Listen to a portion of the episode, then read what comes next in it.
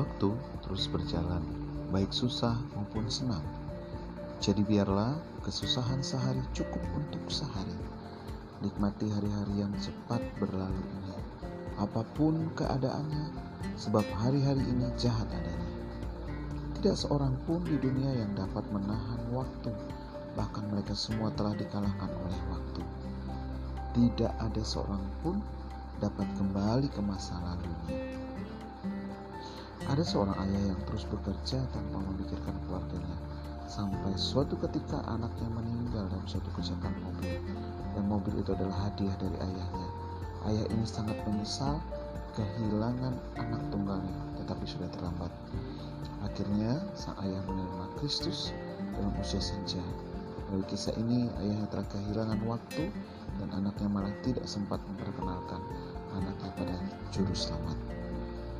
Jikalau tidak ada masalah, berarti tidak ada mujizat. Melalui masalah, kita mendapatkan kesempatan untuk berubah. Tuhan Yesus menolong kita.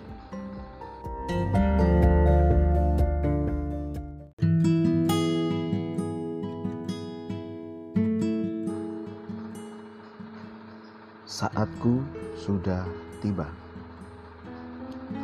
Saatku belum tiba. Mengapa saat Tuhan belum tiba? Karena belum ada hati seorang hamba yang mau menuruti perintahnya. Apalagi ia belum terkenal dan mujizat itu adalah mujizat pertama kali yang dilakukannya. Setelah Ibu Maria menjadi pengkhotbah yang mempersiapkan hati seorang hamba bagi para pelayan, maka saatku belum tiba menjadi saatku sudah tiba. Bicara saatku juga berbicara tentang waktu yang memerlukan suatu kedisiplinan waktu, komitmen yang tinggi dan tanggung jawab. Pengkhotbah 3 ayat 11 berkata, Ia membuat segala sesuatu indah pada waktunya. Kata indah pada waktunya tidak ditentukan kapan dan bagaimana. Tidak ada seorang pun tahu mengapa demikian. Karena indah pada waktunya menyangkut persiapan kita sebagai penerima berkat itu sendiri.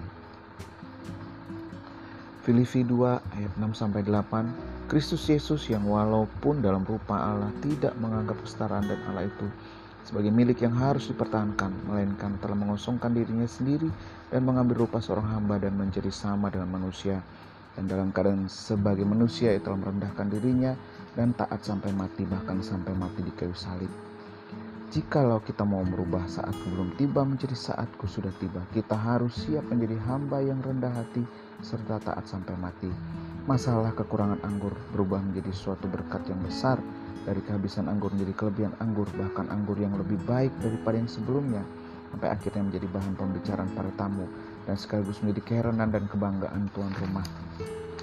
Jikalau kita menghadapi masalah, sebenarnya kita harus melihatnya bukan sebagai suatu masalah, tetapi ada sesuatu di balik masalah itu. Masalah dalam perjamuan kawin di kana sebenarnya adalah suatu pelajaran bagi kita bahwa masalah adalah berkat yang belum diolah. Kita harus dapat mengolahnya menjadi suatu berkat, yaitu harus ada suatu proses bagaimana kita menyiapkan hati kita sebagai hamba. Kita harus mengosongkan diri, rendah hati, taat, ulet, disiplin, dan sabar, serta tenang Seandainya masalah itu karena kesalahan kita, tetap akan menjadi berkat jika kita tahu mengelolanya, yaitu dengan bertobat dan berubah. Amin.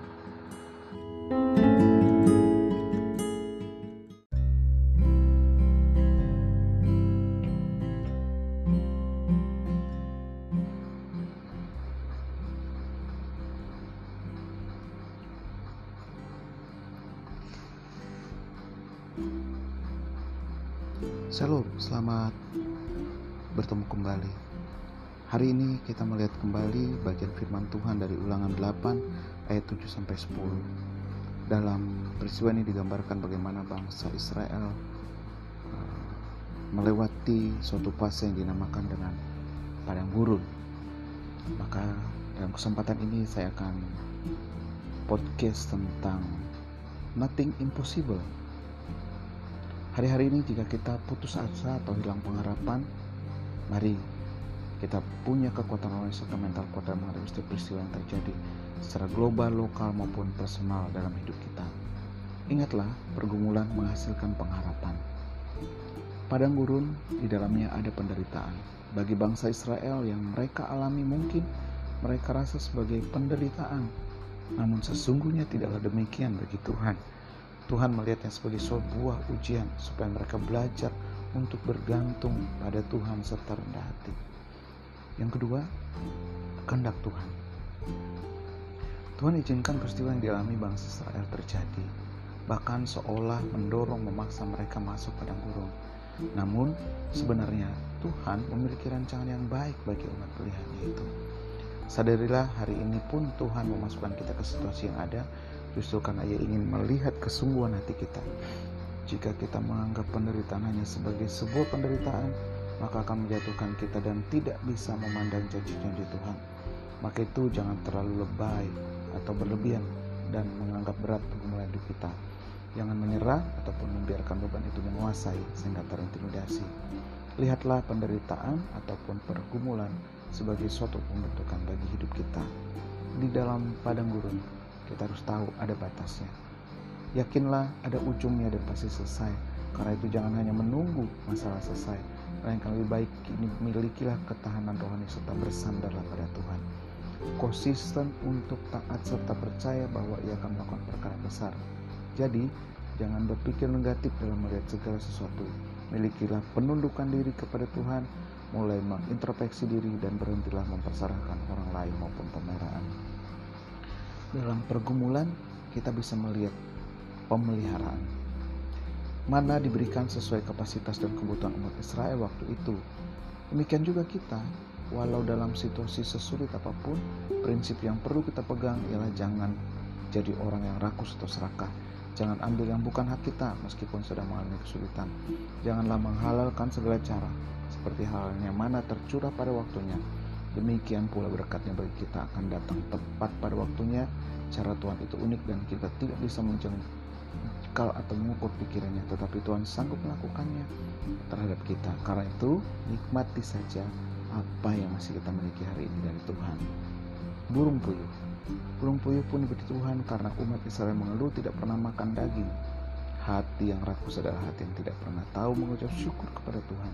Sedangkan orang yang mengerti cara bersyukur kepadanya akan menikmati berkat sekecil apa pun yang ada hari ini. Yakinlah Tuhan punya banyak cara serta takkan kehabisan jalan untuk menolong dan memelihara. Pintu yang tertutup pun apabila Tuhan berkenan membukanya, maka bagi dia tak ada yang mustahil. Siapa pun dan apa pun yang kita kerjakan, janganlah sampai salah berpikir tentang dia. Sebab apabila sampai begitu, kita sebenarnya mengalami masalah yang lebih serius yaitu kehidupan rohani yang salah dan tidak berkualitas.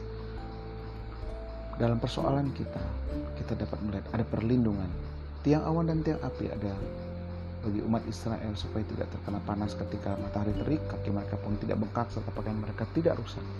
Tiang api diberikan oleh Tuhan bagi mereka supaya tidak kedinginan saat malam di padang gurun.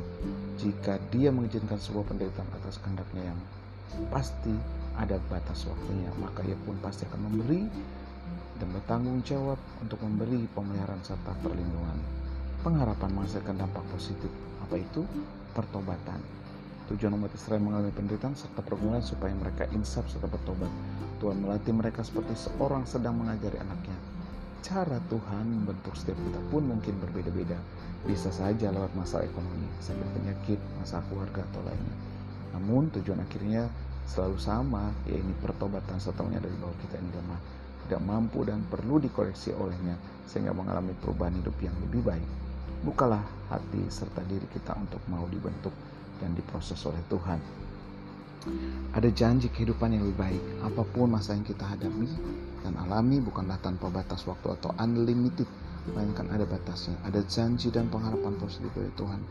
Akan kita tuai di depan apabila hari ini kita mau berubah, melakukan yang baik serta tetap bersyukur, jadi tetap optimis tanpa pengharapan atau semangat menghadapi hari depan dan tanpa perkataan baik yang kita ucapkan, maka biasanya akan terjadi seperti yang kita percaya. Ada ucapan syukur dalam keadaan sulit maupun senang. Tetaplah memuji Tuhan dan mengucap syukur supaya yang berkati. Janganlah lelah menghadapi pergumulan apa pun tetapi tetaplah semangat. Hadapi dengan senyum serta sukacita agar hati kita lebih ringan. Kendati hidup terseberat dan yakinlah Tuhan akan mengambil alih beban itu. Tuhan izinkan anak-anaknya masuk dalam pergumulan dengan maksud untuk lebih. Tuhan tidak akan pernah lepas tangan jika dia izinkan kita masuk pergumulan. Pertolongan Tuhan selalu datang tepat waktu dan tidak pernah terlambat.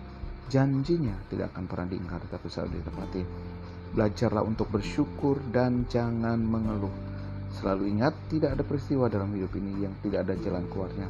Tuhan akan membentuk kita sesuai kehendaknya dan bukan seperti yang kita mau. Tidak ada yang mustahil bagi dia. Amin.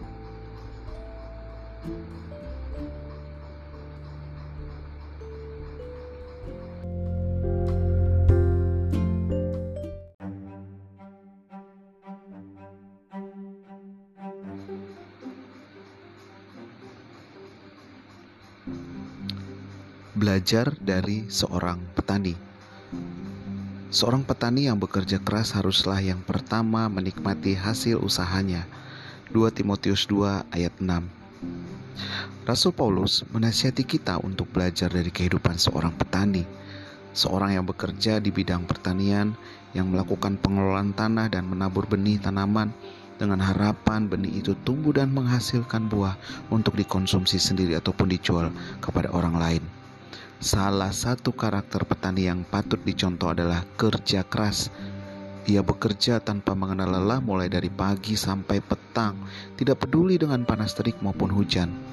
Petani yang bekerja di sawah atau ladang tak langsung menuai. Ia harus menunggu dengan sabar dalam kurun waktu yang cukup lama sampai benih yang ditaburnya itu tumbuh dan menghasilkan buah.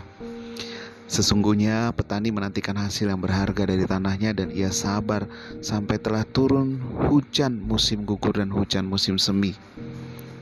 Yakobus 5 ayat 7 sampai 8. Kamu juga harus bersabar dan harus meneguhkan hatimu. Rasul Paulus mengibaratkan bahwa melayani pekerjaan Tuhan itu juga seperti petani yang sedang bekerja di ladang. Ada yang mencangkul atau membajak sawah, ada yang menanam benih dan ada pula yang menyiram. 1 Korintus 3 ayat 6 sampai 9. Dalam mengiring Tuhan pun kita harus mau bekerja keras, mau berkorban waktu dan tenaga. Siapa senantiasa memperhatikan angin tidak akan menabur dan siapa senantiasa melihat awan tidak akan menuai. Taburkanlah benihmu pagi-pagi hari dan janganlah memberi istirahat kepada tanganmu pada petang hari karena engkau tidak mengetahui apakah ini atau itu yang akan berhasil atau kedua-duanya sama baik.